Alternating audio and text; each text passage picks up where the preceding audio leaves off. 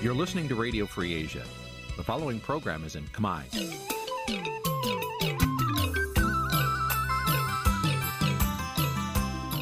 នេះជាកម្មវិធីផ្សាយ Vuthu Azizi Serai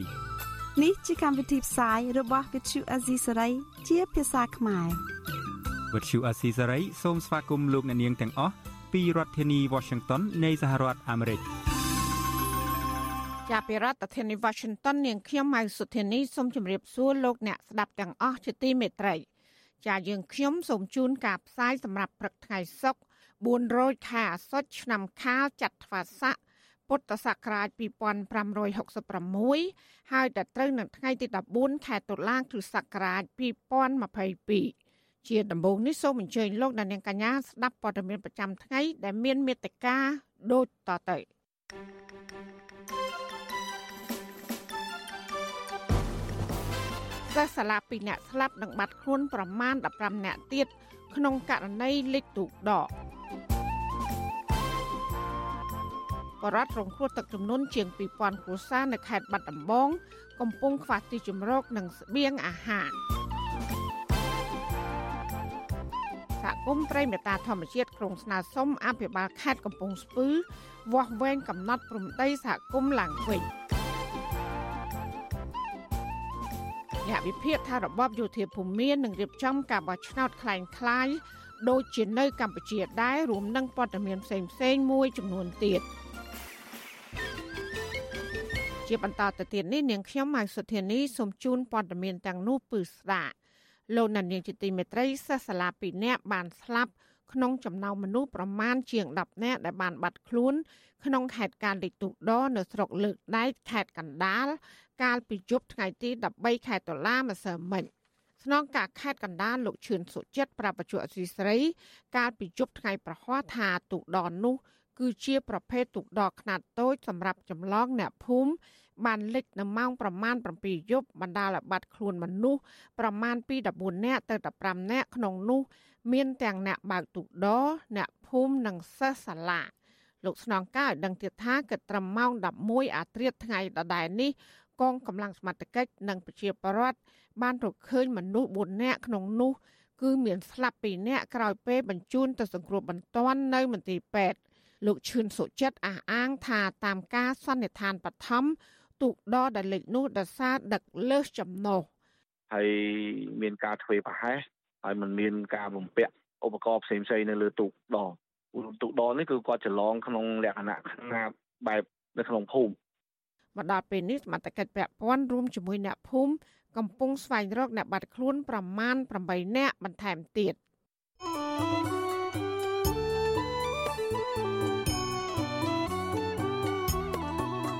ចាលោកនាងជាទីមេត្រីក្រោយទៅពីការស្ដាប់ការផ្សាយរបស់វិទ្យុអសីស្រីតាមបណ្ដាញសង្គម Facebook និង YouTube លោកដានៀងកញ្ញាក៏អាចស្ដាប់ការផ្សាយរបស់យើង តាមរយៈរលក ធាតុអាកាសខ្លីឬ short wave ដូចតទៅចាប់ពីព្រឹកចាប់ពីម៉ោង5កន្លះដល់ម៉ោង6កន្លះគឺតាមរយៈរលកធាតុអាកាសខ្លី12140 kHz ស្មើនឹងកម្ពស់ 25m និង13715 kHz ស្មើនឹងកម្ពស់ 22m ចាសម្រាប់ពេលយប់វិញគឺចាប់ពីម៉ោង7កន្លះដល់ម៉ោង8កន្លះគឺតាមរយៈរលកធាតុអាកាសខ្លី9960 kHz ស្មើនឹងកម្ពស់ 30m 12140 kHz ស្មើនឹងកម្ពស់ 25m ហើយនឹង 11885 kHz ស្មើនឹងកម្ពស់ 25m ចាសសូមអរគុណ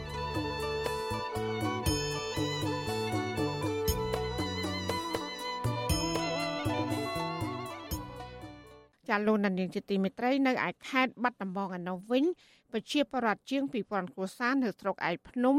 កំពុងរងគ្រោះដោយសារទឹកជំនន់បាត់បង់ទីជម្រកខ្វះស្បៀងអាហារនិងប្រឈមគ្រោះថ្នាក់ដល់ជីវិតមន្ត្រីសង្គមស៊ីវិលយល់ឃើញថារដ្ឋបាលខេត្តគួរផ្ដល់ជំនួយឧបត្ថម្ភដល់ប្រជាពលរដ្ឋរងគ្រោះនិងសិក្សាទៅលើហានិភ័យនៅពេលដែលបើកទំនប់ទឹកឲ្យបានច្បាស់លាស់ដើម្បីបញ្ជាផលវិបាកដល់អ្នករស់នៅតំបន់ក្រោមទំនប់ចាលោកសនចន្ទរដ្ឋារាយការណ៍ព័ត៌មាននេះពលរដ្ឋជាង2000គ្រួសារនៅឃុំព្រៃចាស់និងឃុំកោះជីវាំងស្រុកឯភ្នំ កំពុងប្រឈមបញ្ហាជីវភាពរស់នៅដោយសារតែចំនួនហក់ឡើងយ៉ាងគំហុករយៈពេលជិតកន្លះខែមកនេះពលរដ្ឋនៅឃុំបាក់ព្រាលោកស្រីយាននាងឲ្យដឹងថាបន្តពីទឹកចំនួនលេខផ្ទះអស់លោកស្រីបានចងក្បូននៅប្រាដបប្រសុទ្ធនិងយកឫស្សីប្រក់សម្រាប់ស្នាក់នៅបដអាសន្នលោកស្រីបន្តថាជីវភាពប្រចាំថ្ងៃរបស់គ្រួសារលោកស្រីពឹងផ្អែកលើការរកក្តាមខ្យងយកទៅលក់បានបន្តិចបន្តួចដើម្បីដោះស្រាយថ្លៃម្ហូបអាហារតែប៉ុណ្ណោះលោកស្រីបន្ថែមថាទឹកចំនួនឆ្នាំនេះធំជាងឆ្នាំមុនមុនហើយមិនងាយស្រកវិញទេ ដោយសារកំណើនទឹកភ្លៀងនិងការបាត់ទំនុកខ្សែទឹកខាងលើយ៉ាងគំហុកទោះបីជាយ៉ាងណាចាប់តាំងពីមានការលេលងមកលោកសេបញ្ជាក់ថាមិនឃើញមេញ្ញាធនណាចុះផ្ដោតជំនឿឧបត្ថម្ភដល់ប្ររងគ្រោះនោះទេ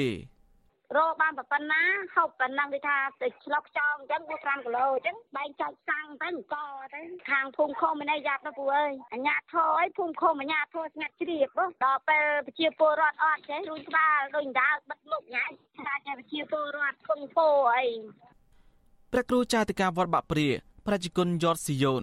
មានត្រាធិការប្រាវិទ្យាអេស៊ីសេរីថ្ងៃទី13ដុល្លារថាវត្តអារាមនៅផ្ទះបរតនៅជុំវិញនេះកំពុងទឹកជន់លិចមានកម្ពស់ជា1ម៉ែត្រឡើងទៅតាមតំបន់ទីបខ្ពស់ប្រាំបន្តទៀតថាទឹកចំនួនបានបំផ្លាញផ្ទះបរតដែលបានមកខំចិត្តឲ្យពួកគេស្នាក់នៅលើទូកបណ្ដោះអាសន្ន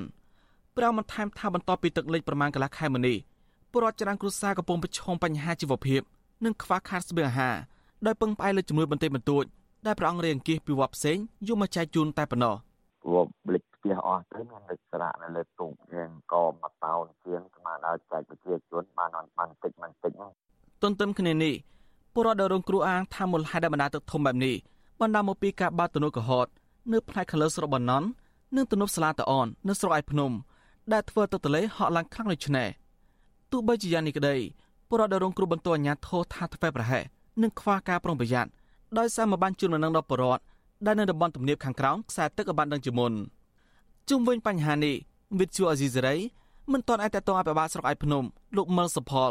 និងគណៈកម្មការគ្រប់គ្រងគ្រោះមហន្តរាយខេត្តបាត់ដំបងលោកហុងឆេនដើម្បីសុំការបកស្រាយបានឡើយទេ នៅថ្ងៃទី13ខែតុលាស្ថានភាពទឹកលេខនៅបឹងទន្លេសាបបានកើនឡើងពី10ទៅ15សង់ទីម៉ែត្រជារៀងរាល់ថ្ងៃបណ្ដាលេខផ្ទះរបស់ប្រជាពលរដ្ឋប្រមាណ2000គ្រួសារនៅឃុំចំនួន2នៅស្រុកឯភ្នំ គឺឃុំព្រៃចាស់និងឃុំកោះជីវាំងពលរដ្ឋដែលបាត់បង់ទីជម្រកបានមករស់នៅលើក្បូររស័យដែលចុងភ្ជាប់នឹងសម្បកដបនិងមួយចំនួនទៀតនៅលើទូកតូចតូចដែលមិនទាន់មានអាជ្ញាធរណាមកជួយសង្គ្រោះទៅរកទីទួលសុវត្ថិភាពនៅឡើយទេទន្ទឹមនឹងគ្មានទីជម្រកសុវត្ថិភាពពលរដ្ឋដែលរងគ្រោះកំពុងប្រឈមការដាច់ស្បៀងអាហារដោយសារតែពួកគាត់មិនអាចប្រកបរបរនេសាទបាន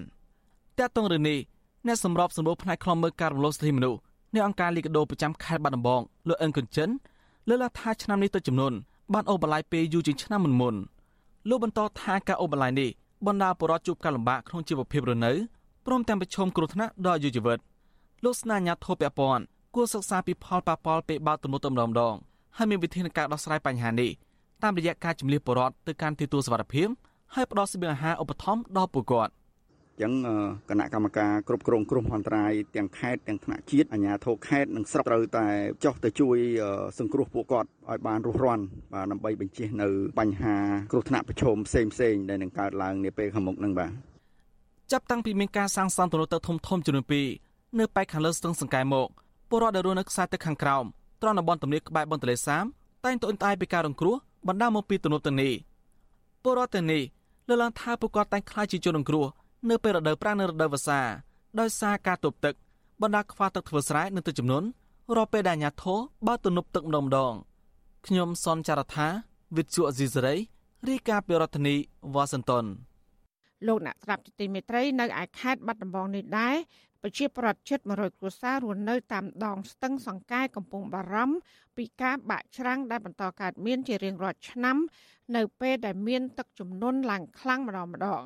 បរដ្ឋត្អូញត្អែថាអាញាធិបពពន់ហាក់មិនអើពើដោះស្រាយឲ្យបានត្រឹមត្រូវដែលជាហេតុធ្វើឲ្យផ្លូវនិងផ្ទះរបស់បរដ្ឋមួយចំនួន ដែលនៅតាមដងស្ទឹងបន្តបាក់ស្រុតចាប់ពីរដ្ឋធានី Washington លោកយ៉ងច័ន្ទតារារាយការណ៍ព័ត៌មាននេះប្រជាពលរដ្ឋមួយចំនួនដែលមានផ្ទះនៅតាមមាត់ស្ទឹងសង្កែព្រួយបារម្ភខ្លាចបាក់ស្រដីរសាត់តាមទឹកហូរនៅពេលរដូវវស្សាម្ដងម្ដងពួកគាត់ឲ្យដឹងថាអាញាធរធ្លាប់ចុះទៅពិនិត្យជាច្រើនដងដែរ ក៏ប៉ុន្តែมันមានដំណោះស្រាយអ្វីឡើយក្នុងរយៈពេលជាង3ឆ្នាំមកនេះប្រជាពលរដ្ឋរស់នៅភូមិកំពង់សម្បួរឃុំសំរោងក្នុងស្រុកឯកភ្នំលោកស្រីឈឿងពន្លឺដែលកំពុងតែរស់នៅក្នុងផ្ទះជាមួយចៅចំនួន4នាក់នោះឲ្យដឹងថាលោកស្រីកំពុងបារម្ភខ្លាចបាក់ស្រុតផ្ទះរបស់ខ្លួនលោកស្រីបញ្ជាក់ថាស្ថានភាពដីមាត់ស្ទឹងសង្កែបានបន្តបាក់ស្រុតអស់រយៈពេល3ឆ្នាំមកហើយដោយពុំមានអាជ្ញាធរណាចោះជួយដោះស្រាយនោះទេលោកស្រីបារម្ភថា ប្រសិនបើបញ្ហាបាក់ស្រុតដីនេះមិនមានការទប់ស្កាត់ឲ្យបានត្រឹមត្រូវទេនោះប្រហែលជារយៈពេល1ឆ្នាំទៀតដីផ្ទះរបស់លោកស្រីអាចនឹងបាក់ស្រុតធ្លាក់ទៅតាមទឹកអូយបារម្ភណាស់ក្មួយអើយឲ្យថាទឹកឡើងហើយមេឃភ្លៀងយប់មិញដេកលក់ទេឡើងម៉ោង2:71ម៉ោង2:40បានតតរាំងទៅបានស្ងប់ដេកបានស្ងប់ដេកអាទឹកឡើងហើយដល់ពេលអញ្ចឹងទៅយើងអត់មានក្នុងបារម្ភក្នុងចិត្តឡើយឃើញ អាណិតណាចៅតូចតូចផងនៅមិនឆ្ងាយពីលោកស្រីឈឿងពន្លឺប្រជាពលរដ្ឋម្នាក់ទៀតដែលមានកូនក្នុងបន្ទុកចំនួន5នាក់និងចៅចំនួន4នាក់គឺលោកស្រីសឿនវ៉ាន់ស៊ីដោយសារតែជីវភាពខ្វះខាត លោកស្រីសឿនវ៉ាន់ស៊ីត្រូវបង្ខំចិត្តរស់នៅជាមួយកូនចៅក្នុងផ្ទះតែមួយលោកស្រីឲ្យដឹងថានៅពេលភ្លៀងធ្លាក់ឬក៏ទឹកឡើងម្ដងម្ដងលោកស្រីនិងកូនចៅមិនសូវបានដេកលក់គ្រប់គ្រាន់នោះទេពីព្រោះតែបារម្ភខ្លាចបាក់ស្រោតដីផ្ទះ លោកស្រីឲ្យដឹងទៀតថាបច្ចុប្បន្ននេះប្រជាពលរដ្ឋនៅរងចាំមើលដំណោះស្រាយពីអាជ្ញាធរពីព្រោះកន្លងទៅធ្លាប់ឮថាអាជ្ញាធរចង់ឲ្យប្រជាពលរដ្ឋផ្លាស់ទៅកន្លែងថ្មីក៏ប៉ុន្តែលោកស្រីមិនដឹងនោះទេ ថាតើអាចទទួលបានដីសម្រាប់សាងសង់លំនៅឋានថ្មីពីអាជ្ញាធរឬក៏អត់នោះឡើយសំណុំពូឲ្យថាថាវិបាលជួយខ្ញុំផងខ្ញុំក្រីក្រមានអីទេបើគេដេញទៅជប់គ្មានអីគ្មានឃ្លីនៅទេកូន សូមឲ្យជួយខ្ញុំផងតកតងទៅនឹងបញ្ហានេះអនុប្រធានភូមិកំពង់សម្បួរលោកឆាត់ភូប្រាប់វិទ្យុអាស៊ីសេរីថាបញ្ហាបាក់ច្រាំងឬការខូចផ្លូវនេះអាជ្ញាធរធ្លាប់ជួសជុលម្ដងរួចមកហើយរួមទាំងប្រាប់ប្រជាពលរដ្ឋឲ្យប្រុងប្រយ័ត្នពីបញ្ហាទាំងនោះទៀតផងលោកបញ្ជាក់ថាអាជ្ញាធរមិនទាន់មានដំណោះស្រាយជាក់លាក់ជុំវិញការផ្លាស់ទៅទីតាំងថ្មីនៅឡើយទេ ក៏ប៉ុន្តែលោកថាអាជ្ញាធរភូមិឃុំនឹងចាប់ផ្ដើមធ្វើផ្លូវខាងក្នុងភូមិវិញជំនួសឲ្យការបើកបរតាមមាត់ស្ទឹងដែលអាចបង្កគ្រោះថ្នាក់ថ្នល់នេះបើពន្រីទៅក្នុងប៉ះពាល់ផ្ទះទៀតព្រោះចំណៃថ្នល់វា20ម៉ែត្រទៅទៅឲ្យតែអ្នកខ្លះអស់ផ្ទះលីងដូច្នេះធ្វើអត់កើតគម្រោងវាធ្វើក្រោយវិញវាធ្វើម្ដងយកជាប់ដល់ណា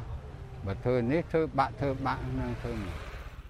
វិទ្យុអាស៊ីសេរីបានតាក់ទងអភិបាលខេត្តបាត់ដំបងលោកសុកលូដើម្បីសាកសួរអំពីរឿងនេះដែរក៏ប៉ុន្តែលោកឆ្លើយថាកំពុងជាប់រវល់ប្រជុំជុំវិញរឿងនេះប្រធានផ្នែកកម្មវិធីស្រាវជ្រាវនិងតស៊ូមតិនៃសមាគមបណ្ដាញយុវជនកម្ពុជា លោកហេងកំហុងថ្លែងថាអញ្ញាធរគួរតែដោះស្រាយបញ្ហាបាក់ច្រាំងទាំងនោះឲ្យមានប្រសិទ្ធភាពដើម្បីសុវត្ថិភាពប្រជាពលរដ្ឋ យើងមិនអាចបដិបដោយបានទេបាទពីព្រោះអីវាអាចធ្វើឲ្យប៉ះពាល់ទៅដល់ការរស់នៅរបស់ប្រជាពលរដ្ឋការជន់លិចការបង្កគ្រោះថ្នាក់ជាយថាហេតុណាមួយឧទាហរណ៍ដូចជាការបាក់ផ្ទះការជន់លិចការលិចលង់ដល់មនុស្សអញ្ចឹងណាបាទគួរតែមានការជួយក្នុងភាពលឿនបំផុតបញ្ហាបាក់ច្រាំងដែលធ្វើឲ្យប៉ះពាល់ដល់ប្រជាពលរដ្ឋនេះកំពុងកើតមានជាហូរហែនៅតាមតំបន់មាត់ទន្លេនិងមាត់ស្ទឹងខណៈដែលសង្គមស៊ីវិលនិងសកម្មជនបរិស្ថានមើលឃើញថា បញ្ហានេះកើតចេញពីការអភិវឌ្ឍរបស់អាជ្ញាធរដែលមិនគិតពីផលប៉ះពាល់បរិស្ថានខ្ញុំយ៉ងច័ន្ទដារាវិទ្យុអាស៊ីសេរីរាយការណ៍ពីរដ្ឋធានី Washington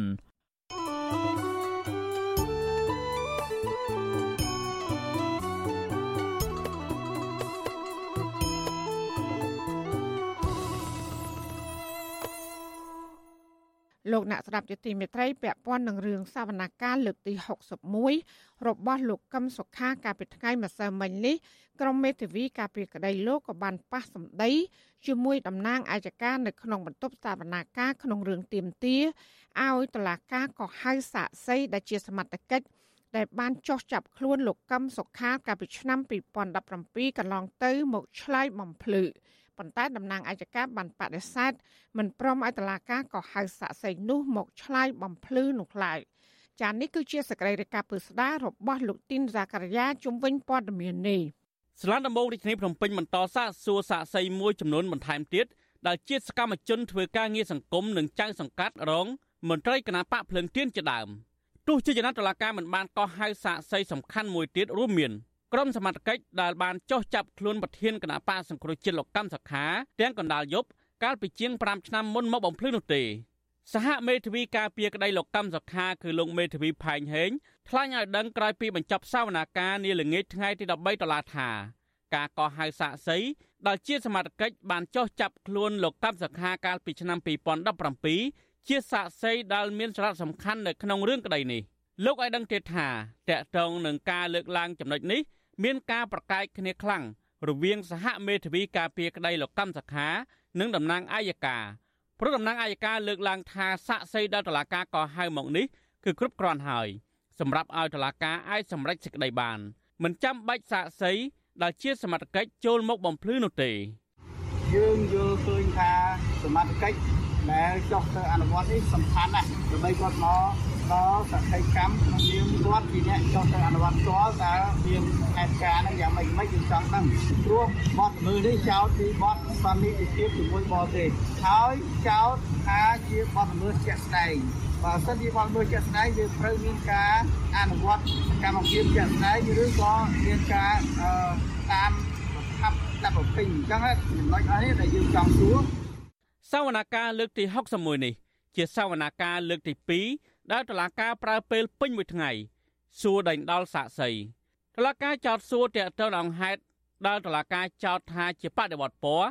សួរអតីតសកម្មជនគណៈបកសង្គ្រោះជាតិធ្លាប់បានចូលរួមនៅឥណ្ឌូនេស៊ីកាលពី6ឆ្នាំមុនសវនាការពេលព្រឹកតឡាការសាកសួរសាកសី2នាក់គឺចៅសង្កាត់រងទី2គណៈបកភ្លើងទៀននិងជាអតីតសកម្មជនគណៈបកសង្គ្រោះជាតិលោកខឿនវិរៈនិងយុវជនធ្វើការងារសង្គមលោកម៉ាចត្រា សាក្សីទាំងពីររូបបានឆ្លើយប្រាប់តុលាការថាពួកគេទៅរៀនវគ្គខ្លីនេះមិនមែនជាការរៀបចំរបស់គណៈបកសង្គ្រោះជាតិនោះទេគឺធ្វើឡើងតាមបណ្ដាញក្រុមយុវជន ហើយវគ្គខ្លីនេះគឺរៀបចំបណ្ដោះបណ្ដាលដោយអង្គការ Canvas ចៅសង្កាត់រងទី2គណៈបកភ្លើងទៀនលោកខឿនវិរៈឲ្យដឹងថាសក្ខីកម្មឬចម្លើយដែលលោកបានផ្ដល់ជូនតុលាការជាអ្វីដែលលោកបានដឹងឮនិងបានឃើញលោកឲ្យដឹងទៀតថាលោកបានបំភ្លឺទៅតុលាការថា ការចូលរួមវគ្គសិក្សាខ្លីនៅប្រទេសឥណ្ឌូនេស៊ីកាលពីឆ្នាំ2016មិនមែនជាការរៀនសូត្រពីការធ្វើបដិវត្តពណ៌ដោយការចោទប្រកាន់នោះទេ តែជាការរៀនសូត្រទាក់ទងនឹងការបោះឆ្នោតទៅរៀនអំពីដំណើរការចុះឈ្មោះបោះឆ្នោតដំណើរការបោះឆ្នោតមានន័យថាមុនពេលបោះឆ្នោតក្រោយពេលបោះឆ្នោតនិងនៅពេលបោះឆ្នោតក្នុងនាមជាភ្នាក់ងារសង្កេតការយើងធ្លាប់ធ្វើជាភ្នាក់ងារសង្កេតការកន្លងមកតែប៉ុណ្ណឹងហើយនឹង ការតស៊ូតាមបែបអហិង្សាដែលយើងលើកឡើងអំពីអ្វីដែលសិទ្ធិពលរដ្ឋមានចែងអាចសម្ដែងមតិបានអាចបានតែប៉ុណ្្នឹងទេបាទតឡការបានសួរអតីតសកម្មជនគណៈបកសង្គ្រោះជាតិតទៅនឹងអង្គហេតុនៃការចូលវគ្គសិក្សាខ្លីនៅប្រទេសឥណ្ឌូនេស៊ីនេះចាប់តាំងពីសវនាការលើកទី58និងចោទប្រកាន់ថាការរៀនសូត្រនៅទីនោះ ជាគម្រោងធ្វើបដិវត្តពណ៌ដែលរៀបចំដោយគណៈបកសង្គ្រោះជាតិ ទោះជាយ៉ាងណាក្តីលោកកម្មសខាប្រាប់ទៅតុលាការថាលោកមិនបានដឹងរឿងនេះទេហើយវគ្គសិក្សាខ្លីនោះក៏មិនមែនជាការរៀបចំរបស់គណៈបកសង្គ្រោះជាតិអ្វីនោះដែរតុលាការបានចាប់ប្រកាន់លោកកម្មសខាពីបទសន្តិភាពជាមួយរដ្ឋបរទេសតាមបណ្ដឹងរបស់រដ្ឋាភិបាលលហ៊ុនសែនទោះជាយ៉ាងណាតុលាការបានអស់បន្លាយពេលជាង5ឆ្នាំមកហើយក៏នៅតែមិនទាន់រកឃើញទោសកំហុសរបស់លោកកម្មសខានៅឡើយទេមកទល់ពេលនេះនិវិភាននយោបាយលោកកឹមសុខយល់ថាការកោះហៅសាកសីជាបន្តបន្ទាប់ប៉ុន្មានសប្តាហ៍ចុងក្រោយនេះ ជាល្បិចតឡាការដើម្បីបន្លំភ្នែកមហាជនឲ្យមើលឃើញថាការជំនុំជម្រះសំណុំរឿងនេះធ្វើឡើងត្រឹមត្រូវតាមនីតិវិធីលោកកឹមសុខបន្ថែមថាការអស់បន្លាយពេលសំណុំរឿងនេះព្រោះតឡាការគ្មានភ័ស្តុតាង ដើម្បីដាក់បន្ទុកលើលោកកម្មសុខានោះទេឃើញតឡាការហៅទៅសួរអ្នកមួយចំនួនគ្រាន់តែមានសកម្មភាពសង្គមយកចិត្តទុកដាក់នឹងរឿងរ៉ាវសង្គម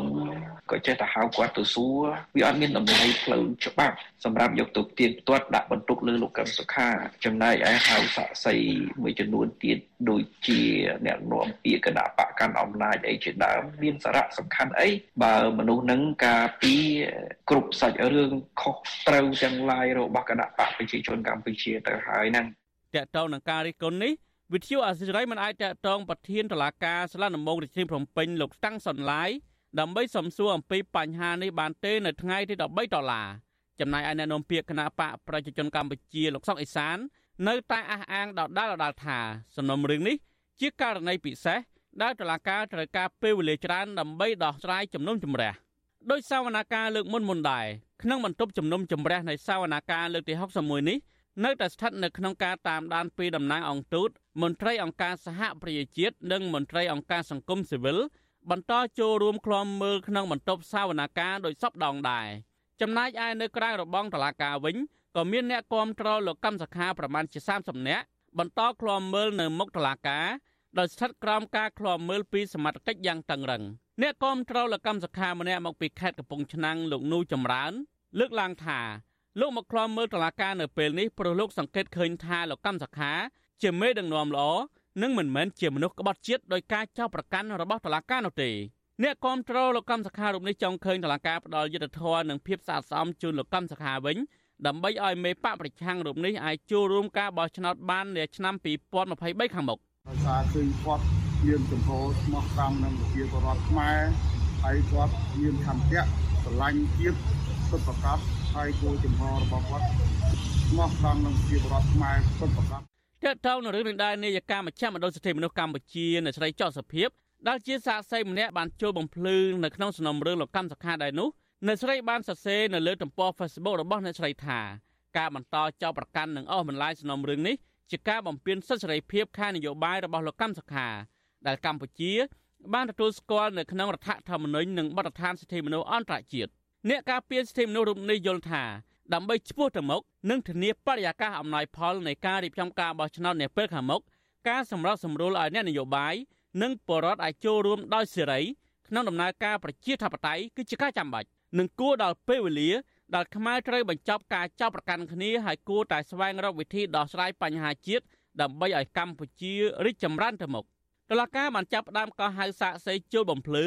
ក្នុងដំណាក់កាលនៃសាវនាការជំនុំជម្រះ ចាប់ពីសាវនាការសប្តាហ៍លើកទី59មកក្នុងចំណោមសាកសីទាំង9រូបដែលតុលាការកោះហៅមានសាកសីចំនួន6នាក់ហើយដែលបានផ្ដល់សក្ខីកម្មជូនតុលាការអ្នកទាំងនោះរួមមានអ្នកនយោបាយជើងចាស់លោកកុងគំអ្នកនាំពាក្យគណៈបកប្រជាជនកម្ពុជាលោកឈំផុលវរុននាយកាមជ្ឈមណ្ឌលសិទ្ធិមនុស្សកម្ពុជានៅស្រីចော့សុភាពយុវជនធ្វើការងារសង្គមលោកស្រីកៅស្រីនាងយុវជនធ្វើការងារសង្គមមួយរូបទៀតគឺលោកម៉ាចត្រា និងចៅសង្កាត់រងទី2គណៈបកភ្លើងទៀនលោកខឿនវិរៈទើបតែនៅក្នុងសប្តាហ៍នេះទេដែលតឡាការបើកសវនាការ2ថ្ងៃជាប់គ្នាហើយសវនាការ2ថ្ងៃជាប់គ្នានេះតឡាការបានសួរដេញដោលសាកសីទាំងពេលព្រឹកនិងពេលរសៀលតុលាការនឹងបន្តសាកសួរសាកសីបន្ថែមទៀតនៅក្នុងសវនាការលើកទី62នាថ្ងៃទី19តុលាខាងមុខសហមេធាវីលោកកម្មសខាក្រុងនឹងស្នើដាក់ពាក្យទៅតុលាការទាមទារឲ្យតុលាការក៏ហៅសាកសីជាសមត្ថកិច្ច ដែលអនុវត្តការងារក្នុងពេលចាប់ខ្លួនលោកកម្មសខា មកបំភ្លឺនៅក្នុងសវនាការនាសប្តាហ៍ក្រោយនេះខ្ញុំទីនសាការីយ៉ាអស៊ីសេរីប្រធានីវ៉ាស៊ីនតោន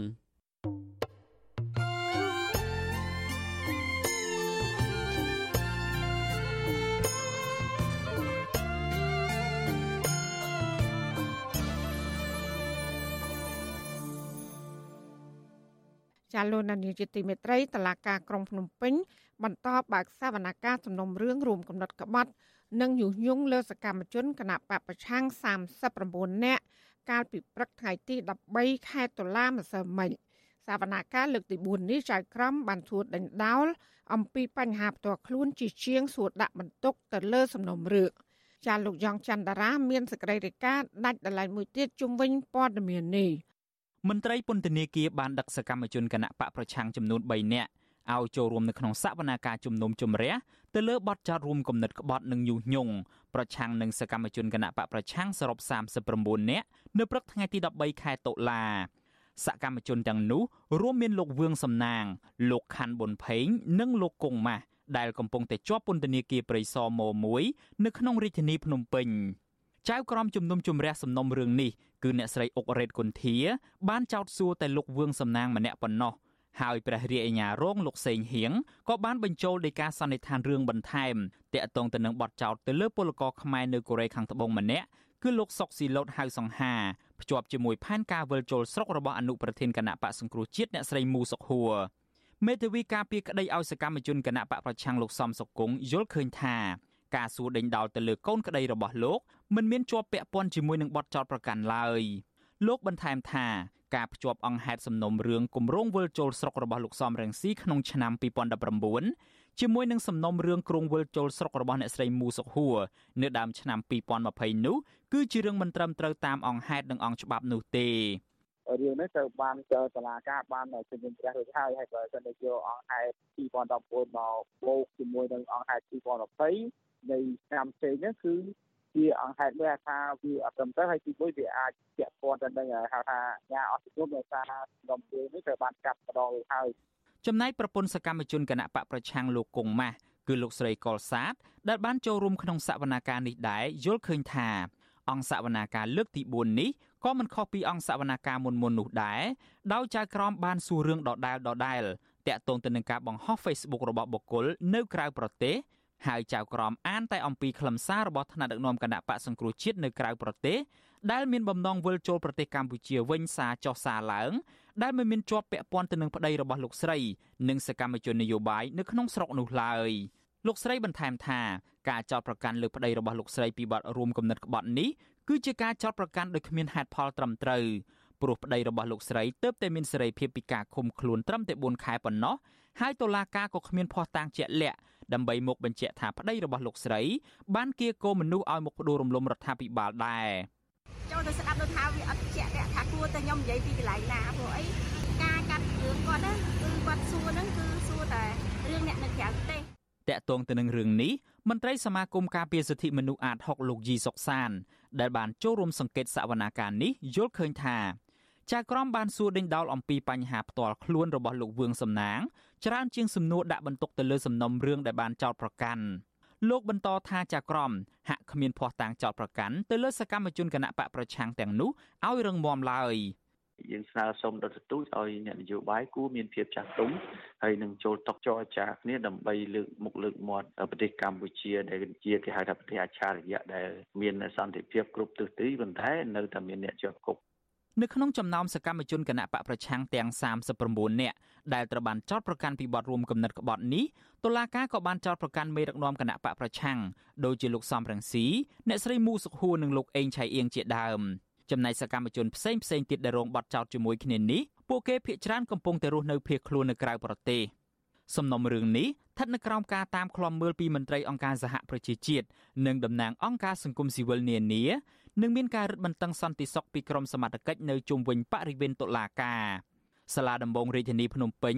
នឹងបន្តសវនាការជំនុំជម្រះសំណុំរឿងនេះទៀតនៅថ្ងៃទី20ខែតុលាខាងមុខដោយនឹងសាកសួរសាកសីបន្ថែមទៀតខ្ញុំយ៉ងច័ន្ទដារាវិទ្យុអាស៊ីសេរីរាយការណ៍ពីរដ្ឋធានី Washington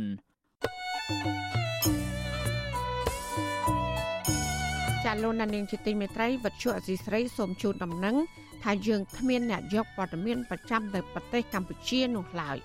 បើសិនជាមានជនណាម្នាក់អះអាងថាជាអ្នកយកព័ត៌មានឲ្យវិទ្យុអស៊ីសេរីនៅកម្ពុជានោះគឺជាការក្លែងបន្លំយកឈ្មោះរបស់វិទ្យុអស៊ីសេរី ក្នុងគោលបំណងទុច្ចរិតរបស់បុគ្គលនោះចាសសូមអរគុណ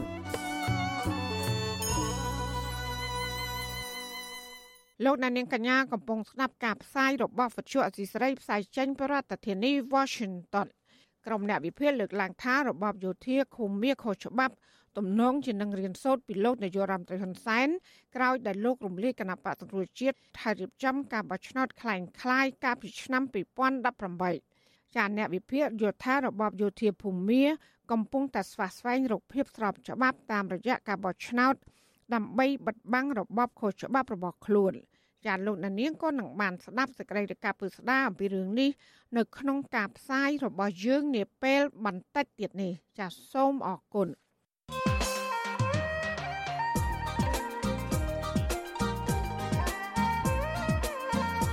ចាលោកនាងកញ្ញាជាទីមេត្រីប្រកាសដែលមានសិទ្ធិរបស់ឆ្នោត គឺជាការទទួលខុសត្រូវដ៏សំខាន់របស់ប្រជាពលរដ្ឋម្ចាស់ឆ្នោត ក៏ប៉ុន្តែលោកអ្នកមិនអាចទៅបោះឆ្នោតបានបើសិនបើលោកអ្នកខកខានមិនបានទៅចុះឈ្មោះបោះឆ្នោតឬក៏មិនបានទៅផ្ទៀងផ្ទាត់ពិនិត្យបញ្ជីឈ្មោះបោះឆ្នោតជាមុននោះ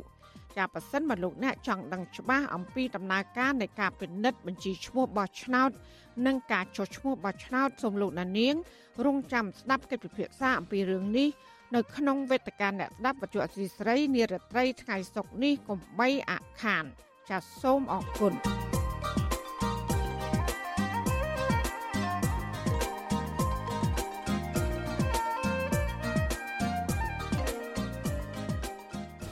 ចាលោកនាងជាទីមេត្រីដែលឡាយតាក់ទងនឹងជនអន្តោប្រវេសន៍ខុសច្បាប់វិញក្រុមអ្នកខ្លំមើលបញ្ហាសង្គមរិះគន់រដ្ឋាភិបាលលោកហ៊ុនសែនថាបរាជ័យក្នុងការអនុវត្តច្បាប់លើជនបរទេសពួកគេលើកឡើងថាការបណ្ដេតបណ្ដោយឲ្យជនអន្តោប្រវេសន៍ខុសច្បាប់ចូលកម្ពុជាតាមអំពើចិត្តអាចនាំឲ្យកម្ពុជាបាត់បង់អធិបតេយ្យជាតិកម្ពុជាចា៎នេះគឺជាសកម្មភាពរបស់លោកជាតិចំណានជំវិញព័ត៌មាននេះដូចតទៅ ក្រមយុវជននិងអ្នកតាមដានស្ថានភាពកម្ពុជាបន្តព្រួយបារម្ភចំពោះវត្តមានជនអន្តោប្រវេសន៍ខុសច្បាប់ជាពិសេសជនជាតិចិននិងវៀតណាមដែលលួចឆ្លងដែនចូលមកទាំងទីលំនៅនិងបើកអាជីវកម្មនៅកម្ពុជាតាមទំនើងចិត្តពួកគេមើលឃើញថាប្រសិទ្ធបើនៅតែមានជនអន្តោប្រវេសន៍ខុសច្បាប់ចូលមកកម្ពុជាច្រើនលើសលប់ដូចសពថ្ងៃនេះវាមិនត្រឹមតែប៉ះពាល់ដល់ការប្រកបរបរពលរដ្ឋម្ចាស់ស្រុកនោះទេប៉ុន្តែនៅថ្ងៃអនាគតកម្ពុជាអាចនឹងប្រឈមទៅនឹងការគំរាមកំហែងពីការរំលោភបំពានដែនអធិបតេយ្យជាតិទៀតផង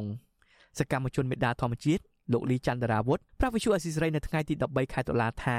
កម្ពុជាអាចក្លាយជាកន្លែងរបស់ក្រុមអក្រិតជនដាក់ខ្លួនដោយសវត្ថភាពក្នុងការប្រព្រឹត្តអក្រិតកម្មដូចជាការជួញដូរមនុស្សនិងបើករោងចក្រផលិតគ្រឿងញៀនជាដើមលោកបន្តថាជនអន្តោប្រវេសន៍ខុសច្បាប់មួយចំនួនដូចជាជនជាតិចិនជាដើមមានជាប់ឈ្មោះជាអក្រិតជនហើយត្រូវបានរដ្ឋាភិបាលការពារយ៉ាងពេញទំហឹង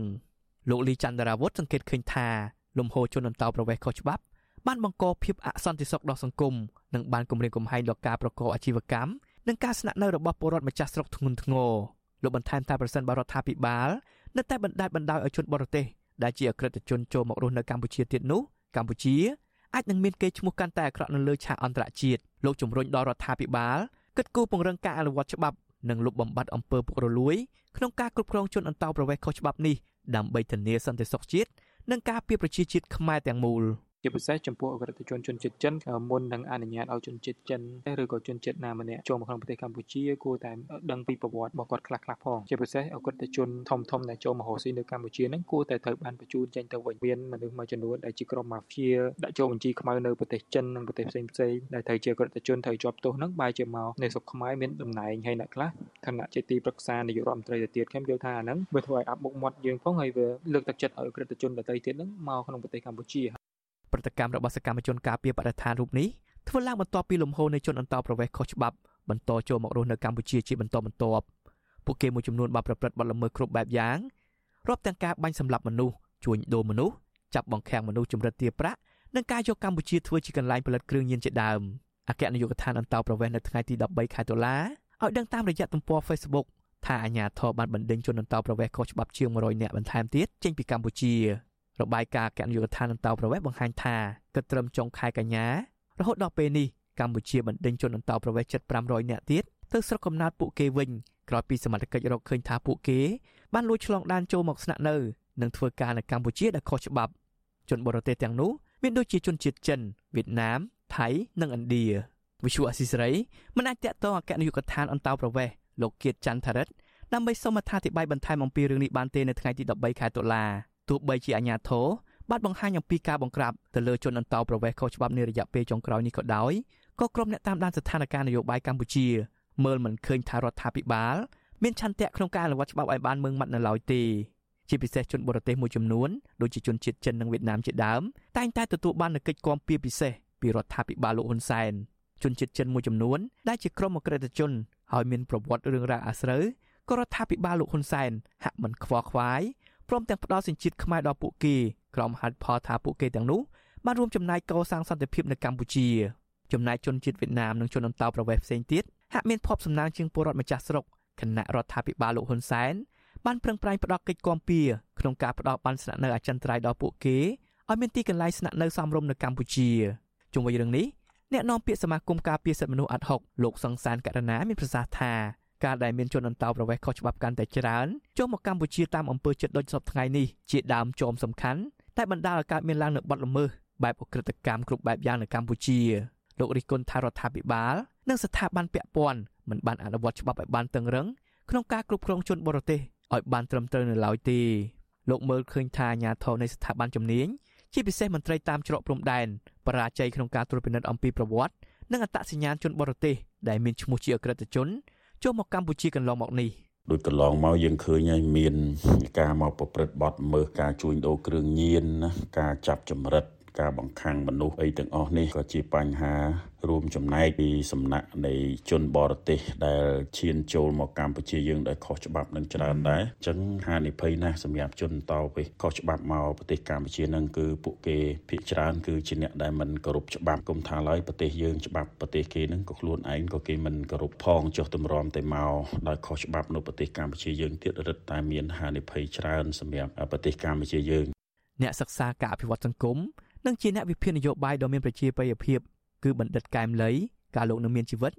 លោកតែងតែព្រួយបារម្ភអំពីបូរណភាពទឹកដីខ្មែរដែលអាចនឹងត្រូវវិនិច្ឆ័យអន្តរាយដោយសារតែប្រព័ន្ធនៃការគ្រប់គ្រងច្បាប់គ្មានប្រសិទ្ធភាពដែលបណ្ដោយឲ្យជនអន្តោប្រវេសន៍ខុសច្បាប់ទាំងនោះចូលមករស់នៅកម្ពុជាយ៉ាងអនាធិបតេយ្យបណ្ឌិតកែមលីតែងតែជំរុញដល់យុវជននិងពលរដ្ឋគ្រប់ស្រទាប់វណ្ណៈឲ្យសិក្សាស្វែងយល់ពីបញ្ហាជាតិនិងងើបតវ៉ាទៅនឹងរឿងអយុត្តិធម៌សង្គម ព្រមទាំងផ្ដល់មតិរិះគន់ទៅអាជ្ញាធរដើម្បីពញ្ញាឲ្យរដ្ឋាភិបាលគិតគូរបង្រឹងការអនុវត្តច្បាប់ឲ្យបានម៉ឺងម៉ាត់ទៅលើជនអន្តោប្រវេសន៍ខុសច្បាប់ដើម្បីបញ្ជាការរំលោភបំពានអធិបតេយ្យជាតិកម្ពុជាព្រមទាំងអភិរក្សនៅធនធាននិងគេដំណែលដែលនៅសេសសល់បន្តិចបន្តួចទុកសម្រាប់កូនខ្មែរចំនួនក្រោយខ្ញុំបាទជាចំណាន Visual Assisray ប្រធានាទី Washington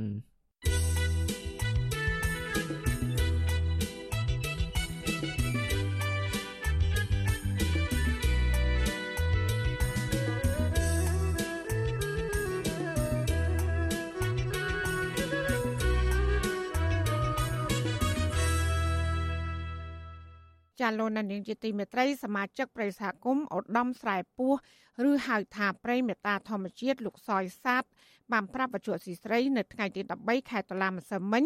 ថាកាលពីថ្ងៃទី11ខែតុលាអនុប្រធានមន្ទីរបរិស្ថានខេត្តកំពង់ស្ពឺគឺលោកនៅណាក់បានដឹកនាំក្រុមការងារវាស់វែងរួមមានមេភូមិក្រុមប្រឹក្សាឃុំមន្ត្រីស្រុកមន្ត្រីខេត្តសរុបជាង10នាក់ចុះទៅវាស់វែងកំណត់ដីប្រិយសហគមន៍មេតាធម្មជាតិ ដែលនៅសល់ពីការឈូសឆាយលោកថាប្រជាសហគមន៍មិនអាចទទួលយកការវាស់វែងកំណត់ព្រំប្រទល់ដីព្រៃសហគមន៍ដែលនៅសេសសល់ពីការឈូសឆាយនិងយកដីព្រៃភ្នំដើម្បីបង្ក្រប់ដីសហគមន៍តាមការស្នើសុំរបស់ក្រមវាស់វែងបានឡើយលោកថាប្រជាសហគមន៍នឹងតវ៉ាទៅអភិបាលខេត្តកំពង់ស្ពឺដើម្បីវាស់វែងដីព្រៃសហគមន៍ឲ្យបានច្បាស់លាស់ឡើងវិញ។ ការមកវាស់វែងនេះគឺมันមានកំណត់ច្បាស់លាស់ទេប៉ុន្តែឲ្យយើងទទួលយកសំណើមួយថាបើសិនជារាជរដ្ឋាភិបាលគេឲ្យដីភ្នំចំនួនគម្រប់ដីនេះតើសហគមន៍ព្រមទទួលយកទេអាដីមិនឲ្យបាត់បង់ទេប៉ុន្តែដីដែលជួហើយហ្នឹងបានទៅងចិត្តទឹកនឹងកងរកោចំណុចហ្នឹងហើយបានយើងខ្ញុំជាសហគមន៍មិនព្រមទទួលយកឲ្យធ្វើដំណើរចំទាស់ដើម្បីដាក់ជូនអភិបាលខេត្តឲ្យសិក្សាឡើងវិញព្រោះដីនេះលើកដល់400ជាងទៅហើយប្រិយសហគមន៍ឧត្តមស្រែពោះឬប្រិយមេតាធម្មជាតិ មានទំហំជាង800ហិកតានិងមានសត្វព្រៃកម្រជាច្រើនប្រភេទរស់នៅ រួមមានតូចកង្កោកមាន់ព្រៃឆ្លុះនិងស្វាជាដើមកាលពីខែសីហាឆ្នាំ2021កន្លងទៅរដ្ឋាភិបាលបានចេញអនុក្រឹត្យជ្រៀតដីព្រៃសហគមន៍ឧត្តមស្រែពោះដែលមានទំហំជិត300ហិកតាពីដែនជម្រកសត្វព្រៃភ្នំអរ៉ាក្នុងភូមិពោមាសដើម្បីបែងចែកជូនគ្រួសារយោធិនង70 កងរថក្រោះ41គ្រួសារនិងបរដ្ឋក្រីក្រជាច្រើនគ្រួសារថែមទៀតសម្រាប់សាងសង់លំនៅឋាននិងបង្កបង្កើនផលក៏ប៉ុន្តែដីព្រៃសហគមន៍ត្រូវបានឈូសឆាយរហូតដល់ជាង400ហិកតាឯណោះក្នុងនោះដី85ហិកតាត្រូវបានក្រុមវាស់វែងអះអាង ថាជាដីកម្មសិទ្ធិរបស់ក្រមយោធាង70បន្ថែមលើដីសម្បត្តិដែលបានកាត់ជ្រៀតដល់ពួកគេ78ហិកតា និងដីព្រៃដែលបានឈូសឆាយ85ហិកតាផ្សេងទៀត នៅមិនទាន់បានបញ្ជាក់ថាជាកម្មសិទ្ធិរបស់នរណានៅឡើយ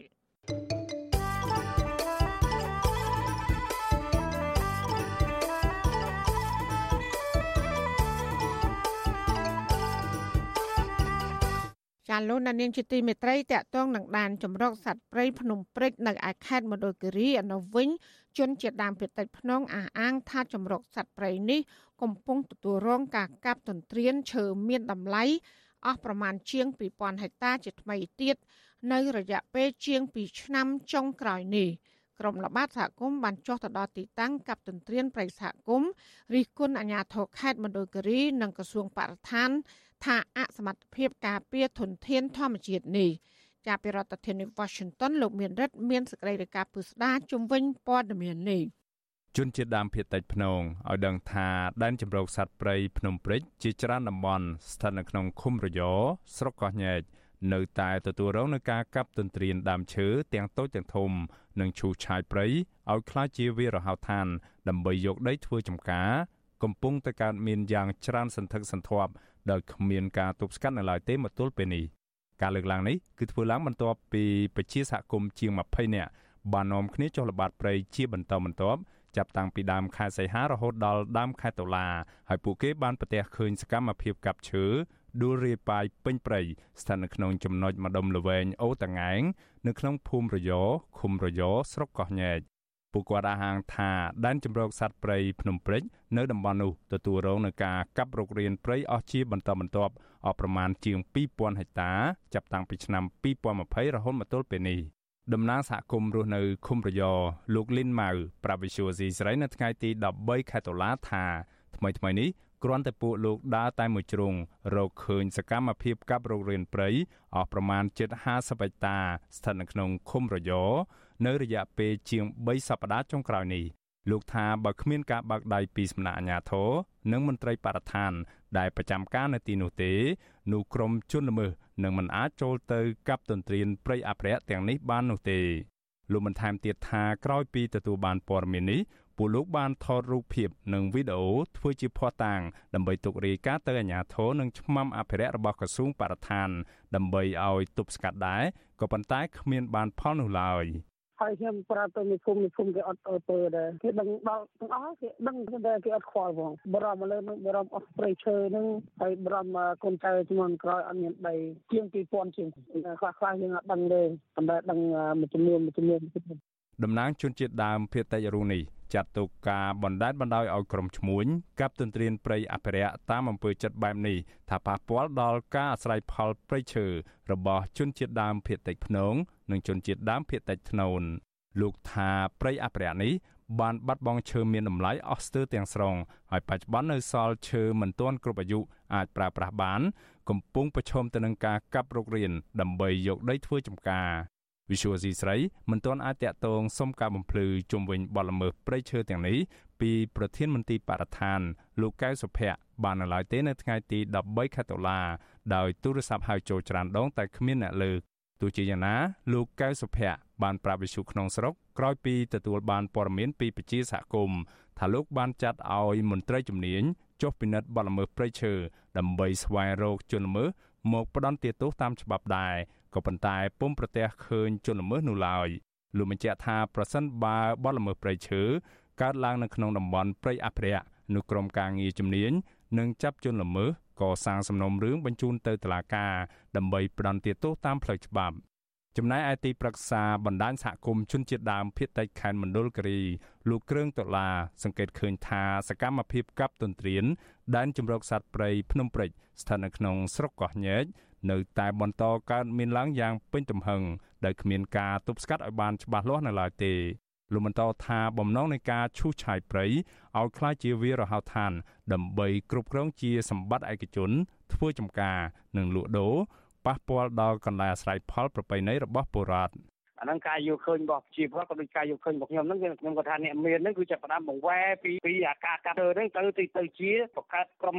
ក្រុមលក់ដីឡូវិញអញ្ចឹងក៏អាលក់ដីឡូហ្នឹងបើមិនលក់ដីព្រៃមានដីមកពីណាជុំវិញរឿងនេះមន្ត្រីពង្រឹងសិទ្ធិអំណាចសហគមន៍មូលដ្ឋាននៃសមាគមអាត់ហុកលោកប៉ែនបូណាយល់ថាបទល្មើសព្រៃឈើកើតមានឡើងដដែលដដែលដែលមន្ត្រីជំនាញនិងអាជ្ញាធរខេត្តមណ្ឌលគិរីគ្មានសមត្ថភាពការពារឲ្យបានគង់វង្សប្រការនេះ លោកថានឹងកាត់ឡើងនៅវប្បធម៌នីតិរដ្ឋភាពឬទម្លាប់ឲ្យជនល្មើសរួចទោសនាំខ្លួនអក្រិតជនដែលបានបំផ្លាញព្រៃឈើកន្លងមកហ្នឹងមកផ្ដន់ទាទុកហើយបើសិនជាទុកតារបៀបអញ្ចឹងគឺព្រៃឈើនឹងរលាយនៅក្នុងពេលឆាប់ឆាប់ប៉ុណ្ណឹងរបាយការណ៍របស់ក្រសួងបរិស្ថាន បង្ហាញថាដែនជម្រកសត្វព្រៃភ្នំព្រិចមានផ្ទៃដីជាង2សែនហិកតាស្ថិតនៅក្នុងស្រុកកោះញែកស្រុកកៅសីមា ស្រុកពេជ្រជ្រេដា និងក្រុងសែនមនោរម្យត្រូវបានបង្កើតឡើងដោយព្រះចក្រិតកាលពីឆ្នាំ1993ព្រៃអភិរក្សនេះមានសត្វព្រៃយ៉ាងហោចណាស់30ប្រភេទកំពុងរស់នៅរួមមានដំរីអាស៊ីខ្លារខិនទុនសោងខ្ទីងប្រើសទូចស្វានិងឆ្កែចចកជាដើមក្រសួងបរិស្ថានថាព្រៃអភិរក្សនេះមានសារៈសំខាន់ផ្នែកវប្បធម៌សេដ្ឋកិច្ចនិងសង្គម សម្រាប់សហគមន៍មូលដ្ឋានពឹងអាស្រ័យទៅលើធនធានធម្មជាតិក្នុងព្រៃដើម្បីរកប្រាក់ចំណូលខ្ញុំបានមេរិត Visual C ស្រីរាយការណ៍ពីរដ្ឋធានី Washington ចាលោកនាងជាទីមេត្រីដែលឡាយតាក់ទងនឹងពលករដែលកំពុងធ្វើការនៅប្រទេសថៃពួកគាត់ខ្លះនៅតែមិនទាន់មានការងារធ្វើឲ្យបានទៀងទាត់ហើយពួកគាត់ជួបការលំបាកផ្នែកជីវភាពដោយសារតែទំនិញឡើងថ្លៃគ្រប់មុខ ពួកគាត់ថាទោះបីមានការងារធ្វើខ្លះក៏ដោយប៉ុន្តែវាគ្រាន់តែជាការងារបណ្ដោះអាសន្នសម្រាប់ដោះស្រាយរោគអង្គច្រកឆ្នាំងមួយគ្រាតែប៉ុណ្ណោះចាលោកលេងម៉ាលីរីកាព័ត៌មាននេះពលករខ្មែរមួយចំនួន នៅតែមានការខ្វះខាតរស់នៅទាំងលំបាកព្រោះការងារប្រចាំថ្ងៃរបស់ពួកគាត់មានខ្លះអត់ខ្លះហើយលំបាករកការងារធ្វើទៀតផងពួកគាត់អូនត្អែថា ការចំណាយលើឯកសារការងារត្រូវអស់លុយច្រើន ហើយពេលខ្លះ បង់ប្រាក់រួចរាល់នៅតែមិនទទួលបានបានការងារក៏មានដែរពលករខ្មែរធ្វើការសំណង់នៅទីក្រុងបាងកកមានស្រុកកំណើតនៅខេត្តបាត់ដំបង លោកសុកសម្បូរប្រាប់វិទ្យុអស៊ីសេរីនៅរសៀលថ្ងៃទី13តុលាថាលោកជាមេជាង ផ្នែកកសាងអាគារហើយលោកតែងតែទទួលការងារគេមកធ្វើជាមួយកូនជាងខ្មែរជាង10នាក់ទៀតតែការងារនេះមួយរយៈចុងក្រោយមិនសូវមានគេជួលទៀតទេ លោកបន្តថាលោកនិងកម្មករមានប្រាក់ចំណូលមិនទៀងទាត់ហើយការដោះស្រាយបញ្ហាជីវភាពមានការលំបាកតែចេះតែខិតខំជំនះឧបសគ្គទាំងនេះ។ធ្វើការធ្វើបាត់អីហ្នឹងគឺច្រើនជាងមុនទៀតលើមុនត្រឹមតែ8000ឬ7000នេះធ្វើបានកន្លែងខ្លះណាគេស៊ីច្រើន8000ក៏ខ្លះណាគេយកជួលទៅ7000បាតអីចឹងក្នុងមួយឆ្នាំពីរឆ្នាំឥឡូវគ្រាន់តែមួយឆ្នាំ12000ហើយឥឡូវនេះកម្មករគឺគឺកម្មកម្មករទាបបំផុតដែលតែនេះក៏400បាតដែរ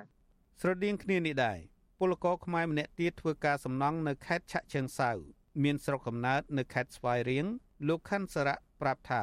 លោកខានផ្ញើលុយទៅឲ្យគ្រួសារ4ខែហើយដោយសារលោកពិបាករកការងារធ្វើ ហើយជួនកាល មានការងារតែមួយអាទិត្យរួចក៏សម្រាកចិត្តមួយខែក៏មានលោកបន្ថែមថាមានពលករខ្មែរនៅកន្លែងលោកធ្វើការប្រមាណ50នាក់សុទ្ធតែមានជីវភាពលំបាកដោយសារពួកគាត់មានការងារមិនទៀងទាត់ ហើយបើបានការងារធ្វើក៏ធ្វើបានតែមួយរយៈខ្លីតាំងពីនេះមកតាំងពីចេញពីតកែថាតអត់ប្រាក់មកខ្ញុំមកធ្វើការនេះធ្វើមកផងណាតកែគេថាអត់មានការងារមកទៅតកែគេឲ្យមកជួយធ្វើបោះសត្វសិនវិទ្យុអស៊ីសេរីមិនអាចតាក់ទងសុំសេចក្តីអធិប្បាយជុំវិញបញ្ហានេះពីស្ថានទូតកម្ពុជាប្រចាំប្រទេសថៃបានទេនៅថ្ងៃទី13ដុល្លារដោយសារទូរស័ព្ទហៅចូលតែពុំមានអ្នកទទួល មន្ត្រីគម្រោងនៃមជ្ឈមណ្ឌលសម្ព័ន្ធភាពការងារនិងសិទ្ធិមនុស្សហៅកាត់ថាអង្គការសង្ត្រាល់លោកលឹងសុផុនលើកឡើងថា មួយរយៈចុងក្រោយនេះពលករខ្មែរដែលធ្វើការក្នុងប្រទេសថៃជួបការលំបាកស្ទើរតែគ្រប់តំបន់ដោយសារពួកគាត់មិនសូវសម្បូរការងារដូចពីមុនលោកបន្តថាពលករខ្មែរត្រូវចំណាយប្រាក់ច្រើនទៅលើឯកសារការចាយវាយប្រចាំថ្ងៃបង់ថ្លៃបន្ទប់ប្រចាំខែនិងត្រូវផ្ញើលុយទៅផ្ទះបង់ធនាគារនិងចិញ្ចឹមគ្រួសារ ការងារនឹងវាមិនទៀងទាត់វាប្រែប្រួលអាចថាគាត់ធ្វើមួយរយៈឈប់មួយរយៈអញ្ចឹងដូចជាលក្ខណៈរយៈពេលខ្លីៗវាមិនទៀងទាត់អញ្ចឹងក៏វាអាចប៉ះពាល់នៅពេលអនាគតដ៏ខ្លីដែរគាត់ណាព្រោះអីខ្ញុំឃើញបងប្អូនពលករមួយចំនួនធំដែលគាត់កំពុងតែស្វែងរកការងារហ្នឹងអ្នកខ្លះគាត់ពិបាកកន្លងមកហ្នឹងគាត់ចេះតែដើរទទួលការងារភាសាថៃហៅថារាប់ចប់ដើរធ្វើការងារបន្តអាសន្នហ្នឹង របាយការណ៍របស់ក្រសួងការងារកម្ពុជាឲ្យដឹងថាមានពលករខ្មែរដែលកំពុងធ្វើការនៅប្រទេសថៃចំនួនជាង1លាន2សែននាក់ចំណែករបាយការណ៍របស់អង្គការសង្ត្រាល់ឲ្យដឹងថាពលករខ្មែរដែលកំពុងរស់នៅនិងធ្វើការក្នុងប្រទេសថៃទាំងស្របច្បាប់និងមិនស្របច្បាប់ មានជាង2លាននាក់ហើយពួកគាត់ភ័យច្រើនកំពុងជួបការលំបាកផ្នែកជីវភាពខ្ញុំបាទលេងម៉ាលីវិទ្យុអេស៊ីសេរីរាយការណ៍ពីរដ្ឋធានី Washington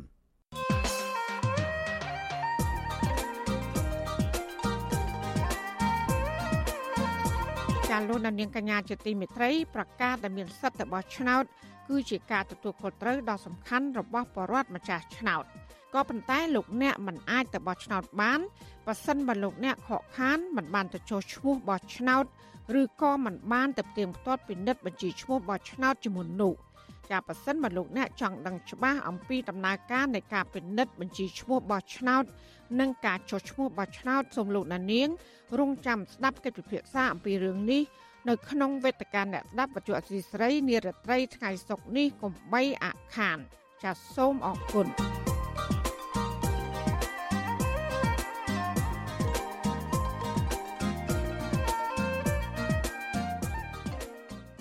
ចាលោកអ្នកនាងកញ្ញាកំពុងស្ដាប់ការផ្សាយរបស់វិទ្យុអាស៊ីស្រីផ្សាយចេញពីរដ្ឋធានី Washington ក្រុមអ្នកវិភាគលើកឡើងថារបបយោធាភូមិខុសច្បាប់ទំនងជានឹងធ្វើតាមនយោបាយរដ្ឋមន្ត្រីហ៊ុនសែនក្នុងការរៀបចំបោះឆ្នោតខ្លាំងខ្លាចអ្នកវិភាគថារបបយោធាភូមិកំពុងតែស្វាស្វែងរកភាពស្របច្បាប់ តាមរយៈការបោះឆ្នោតដើម្បីបិទបាំងរបបខុសច្បាប់សប្តាហ៍នេះដែលកើតចេញពីការធ្វើរដ្ឋប្រហារកាលពីដើមឆ្នាំ2021ចាលោកទីនតាកាយ៉ាមានសេចក្តីរាយការណ៍ពឹស្ដាជំវិញព័ត៌មាននេះដូចតទៅមេដឹកនាំយោធាភូមិនឹងរៀបចំការបោះឆ្នោតនៅឆ្នាំ2023ខាងមុខដើម្បីផ្លាស់ប្តូរពីរបបយោធាដែលកើតចេញពីការធ្វើរដ្ឋប្រហារឲ្យទៅជារបបស៊ីវិលវិញនៃវិភាគនយោបាយលោកកំសុកមានប្រសាសន៍ថា មេដឹកនាំរដ្ឋប្រហារភូមិលោកមីនអងលៀងនឹងយកគំរូតាមលោកហ៊ុនសែនក្នុងការរៀបចំការបោះឆ្នោតនេះគោលដៅរបស់មេដឹកនាំរដ្ឋប្រហារយោធាភូមិគឺបែបហ្នឹងហើយធ្វើរដ្ឋប្រហារយោធាឲ្យបានសម្រេចដោយដែលលោកហ៊ុនសែនធ្វើនៅកម្ពុជាកាលពីឆ្នាំ1997បន្ទាប់មកមេដឹកនាំរដ្ឋប្រហារយោធាភូមិនឹងរៀបចំការបោះឆ្នោតដែលប្លន់ឆន្ទៈរបស់ប្រជាពលរដ្ឋហើយប្រែរូបនៃរដ្ឋាភិបាលយោធារបស់គេ ឲ្យទៅជារដ្ឋាភិបាលស៊ីវិលដោយដែលលោកហ៊ុនសែនធ្វើរដ្ឋប្រហារនៅឆ្នាំ1997បន្ទាប់មករៀបចំការបោះឆ្នោតនៅឆ្នាំ1998ដោយការលួចបន្លំជាបន្តបន្ទាប់មកគឺប្លន់អំណាចតាមរយៈការបោះឆ្នោតមិនត្រឹមត្រូវគ្រប់អាណត្តិជាពិសេសនៅក្នុងឆ្នាំ2023គឺមានរូបភាពដូចគ្នានឹងមិនខុសគ្នាទេលោកកំសុកបន្ថែមថាលោកនាយរដ្ឋមន្ត្រីហ៊ុនសែនក្នុងនាមជាប្រធានអាស៊ាន មិនមានឆន្ទៈពិតប្រាកដក្នុងការសម្របសម្រួលដោះស្រាយវិបត្តិនយោបាយនៅភូមិឡើយផ្ទុយទៅវិញលោកកំសុកអះអាងថាលោកហ៊ុនសែនហាក់បីដូចជាមានសម្ព័ន្ធភាពជាសម្ងាត់ណាមួយជាមួយមេដឹកនាំយោធាខុសច្បាប់នេះដើម្បីពង្រឹងអំណាចផ្ដាច់ការនៅក្នុងតំបន់លោកកំសុកបានលើកជាឧទាហរណ៍ដូចជាក្រោយពីលោកហ៊ុនសែនបានធ្វើជាប្រធានអាស៊ានបដូវវេនភ្លាមលោកបាននាំកូនប្រុសរបស់លោកទៅជួបលោកមីនអងលៀងនៅភូមាកាលពីថ្ងៃទី7មករាឆ្នាំ2022ក្រោយមកទៀត មេដឹកនាំយោធាភូមាទៅធ្វើទស្សនកិច្ចនៅកម្ពុជា ហើយបានជួបក្រុមមេដឹកនាំយោធាកម្ពុជាជាដើមការពង្រឹងអំណាចផ្ដាច់ការនៅក្នុងតំបន់យ៉ាងឬមិនចឹងវាជាបំណងរបស់ជនផ្ដាច់ការទាំងលោកហ៊ុនសែននៅកម្ពុជា ទាំងលោកប្រយុទ្ធច័ន្ទអូចានៅប្រទេសថៃទាំងលោកមីនអងលៀងនៅប្រទេសភូមា ក៏ប៉ុន្តែចរន្តនេះវាមិនស្របទៅនឹងផលប្រយោជន៍របស់អាស៊ានទាំងស្រុងទេក៏មិនស្របទៅនឹងទំនាក់ទំនងរបស់អាស៊ានជាមួយសហគមន៍អន្តរជាតិដែរដូច្នេះវាពិតជាមានឧបសគ្គធំធេងណាស់ហើយអ្វីអ្វីដែលពួកគេធ្វើទៅបានគ្រាន់តែក្នុងកិច្ចសហប្រតិបត្តិការសម្ងាត់និងលួចលាក់តែប៉ុណ្ណោះគ្មានភាពទូលំទូលាយនៅក្នុងការពង្រឹងគ្នាទៅវិញទៅមកទេមានន័យថាប្រសិនបើបែកធ្លាយកិច្ចការសម្ងាត់ណាមួយពួកគេក៏បោះបង់គ្នាចោលដែរ របបសឹកក្រោយពីធ្វើរដ្ឋប្រហារទម្លាក់រដ្ឋាភិបាលស្របច្បាប់របស់អ្នកស្រីអ៊ុនសានស៊ូជីកាលពីឆ្នាំ2021នោះបានបង្កើតគណៈកម្មការរៀបចំការបោះឆ្នោតថ្មីមួយដើម្បីត្រៀមរៀបចំការបោះឆ្នោតនៅឆ្នាំ2023ខាងមុខមន្ត្រីគណៈកម្មការរៀបចំការបោះឆ្នោតរបបសឹកឲ្យដឹងថាមេដឹកនាំយោធានឹងអាចរៀបចំការបោះឆ្នោតនៅខែសីហាឆ្នាំ2023លោកបន្ថែមថាការបោះឆ្នោតនេះនឹងមានគណៈបញ្ញយោបាយជាង90នឹងចុះបញ្ជីដើម្បីចូលរួមការបោះឆ្នោត ក្នុងនោះមានគណៈបកចំនួន85ហើយបានចុះបញ្ជីរួចរីឯមេដឹកនាំរដ្ឋប្រហារមីយ៉ាន់ម៉ាដែលប្រកាសខ្លួនឯងថាជានាយករដ្ឋមន្ត្រីក្រោយពីផ្លន់អំណាចពីគណៈបកសម្ព័ន្ធភាពដើម្បីប្រជាធិបតេយ្យរបស់អ្នកស្រីអុងសានសូជីនោះធ្លាប់បានប្រកាសដែរថាលោកនឹងរៀបចំការបោះឆ្នោតនៅឆ្នាំ2023ដែលនឹងប្រព្រឹត្តទៅដោយយុត្តិធម៌សេរីនិងពហុបកទោះបីជាលោកមានអង្លាំងចង់រៀបចំការបោះឆ្នោតនៅខែសីហាឆ្នាំ2023ខាងមុខនេះក្តីតែផែនការនេះ ហាក់នៅមិនទាន់ជាក់លាក់នៅឡើយទេលោកមីនអងលៀងថ្លែងថាការបោះឆ្នោតអាចប្រព្រឹត្តទៅបាន គឺអាស្រ័យលើស្ថានភាពនយោបាយសន្តិភាពនិងការស្ដារសេដ្ឋកិច្ចឡើងវិញសប្តាហ៍ថ្ងៃនេះមេដឹកនាំរដ្ឋប្រហារបានដាក់ប្រទេសនៅក្នុងភាពអាសន្ននៅឡើយរដ្ឋធម្មនុញ្ញភូមាដែលតាក់តែងដោយក្រមយោធាកាលពីឆ្នាំ2008នោះបានចែងថាការប្រកាសដាក់ប្រទេសនៅក្នុងភាពអាសន្នមានរយៈពេល1ឆ្នាំហើយអាចប្រកាសបន្តទៀតបានចំនួន2ដង ដោយមានរយៈពេល6ខែម្ដង មកទល់ពេលនេះលោកមីនអងលៀងបានប្រកាសដាក់ប្រទេសនៅក្នុងភាពអាសន្នចំនួន2ដងរួចហើយការប្រកាសដាក់ប្រទេសនៅក្នុងភាពអាសន្នលើកទី2នេះនឹងផុតកំណត់ទៅវិញនៅដើមខែកុម្ភៈឆ្នាំ2023ទោះជាបែបនេះក្តីនិវិភាននយោបាយលោកបណ្ឌិតសូណារ៉ូបញ្ជាក់ថារបបយោធានឹងរៀបចំការបោះឆ្នោតខ្លាំងបន្លំភ្នែកអន្តរជាតិមិនខុសពីកម្ពុជានោះទេក៏ប៉ុន្តែនៅមានចំណុចខុសគ្នានៅត្រង់ថា គណៈបកសម្ព័ន្ធភាពដើម្បីប្រជាធិបតេយ្យរបស់អ្នកស្រីអងសានសូជីដែលជាគណៈបកធ្លាប់ឈ្នះឆ្នោតដឹកនាំរដ្ឋាភិបាលផងនោះមានប្រជាប្រិយភាពខ្លាំងលោកបន្ថែមថាក្រុមមេដឹកនាំរបបសឹកពិបាកនៅក្នុងការរៀបចំការបោះឆ្នោតតាមផែនការនាពេលខាងមុខគេនឹងបោះឆ្នោតតាមរបៀបបំភាន់សាធារណមតិក៏ប៉ុន្តែអ្វីដែលទូនីតិរបស់អង្គសាំងស៊ូជីនិងគណៈបករបស់គាត់គឺវាមាន ប្រជាប្រិយភាពមានឥទ្ធិពលនៅក្នុងសហគមន៍អន្តរជាតិយ៉ាងខ្លាំងក្លាណាស់ដូច្នេះពួកអង្គមានលៀងមិនអាចលេងលបាយបំភាន់បានដូចនៅកម្ពុជានោះទេអញ្ចឹងហើយបានថាការដែលបោះឆ្នោតគេអាចនៅតែរុញឲ្យមានការបោះឆ្នោតហើយរួចហើយលទ្ធផល នៅតែមានប្រទេសផ្ដាច់ការ3 4 10ប្រទេសអីគេគ្រប់គ្រងរួចហើយរបបនឹងនៅតែរស់នៅកំដរក្នុងភាពហុំព័ទ្ធនៃសហគមន៍អន្តរជាតិអញ្ចឹងរីឯអ្នករាយការណ៍ពិសេសអង្គការសហប្រជាជាតិ ទទួលបន្ទុកសិទ្ធិមនុស្សប្រចាំនៅប្រទេសភូមាបានថ្លែងពីទីក្រុងសឺណែវប្រទេសស្វីសកាលពីពេលថ្មីៗនេះថាមេដឹកនាំរបបសឹកលោកមីនអងលៀងកំពុងតែរៀបចំផែនការចង់បោះឆ្នោតคล้ายៗនៅឆ្នាំក្រោយដើម្បីឲ្យរបបរបស់លោកคล้ายទៅជារដ្ឋាភិបាលស្របច្បាប់ទន្ទឹមនឹងនេះអ្នករាយការណ៍ពិសេសអង្គការសហប្រជាជាតិរូបនេះប្រមានប្រទេសជាសមាជិកអាស៊ានថាបើសិនជាមិនមានចំណាត់ការណាមួយជាក់លាក់លើក្រុមមេដឹកនាំយោធាភូមាទេ នោះអំពើហិង្សាសម្រាប់ជនស៊ីវិលនៅភូមានៅតែបន្តក្រៅពីនេះលំហូរជនភៀសខ្លួនភូមាទៅប្រទេសជិតខាងរួមទាំងអាស៊ានផងកាន់តែច្រើនថែមទៀត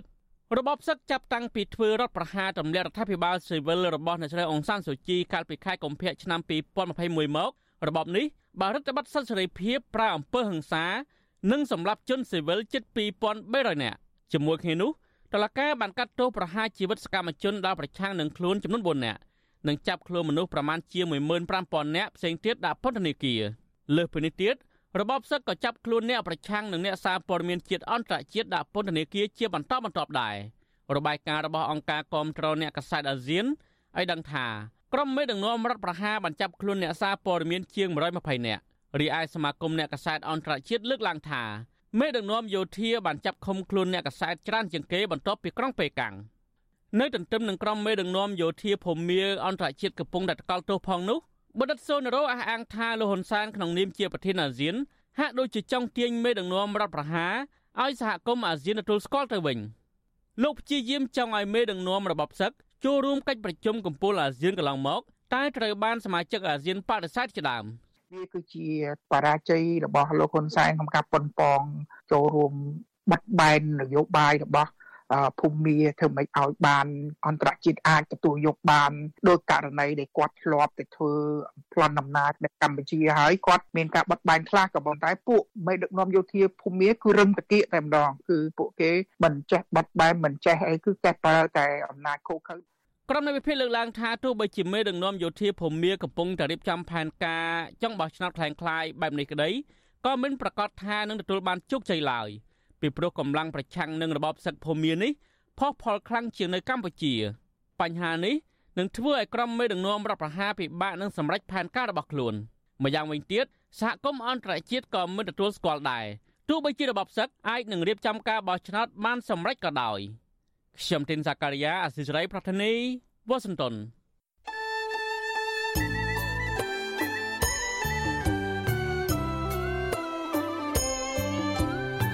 ចាលោកនាងកញ្ញាអ្នកស្ដាប់ជទីមេត្រីកັບផ្សាយរយៈពេល1ម៉ោងនៃវិទ្យុអាស៊ីស្រីជាភាសាខ្មែរនៅពេលនេះចាប់តែប៉ុណ្ណេះ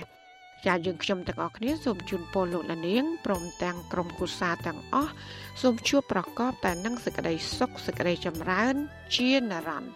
ចានាងខ្ញុំម៉ៃសុធានីព្រមទាំងក្រុមការងារទាំងអស់នៃវិទ្យុអាស៊ីស្រីសូមអរគុណនិងសូមជម្រាបលា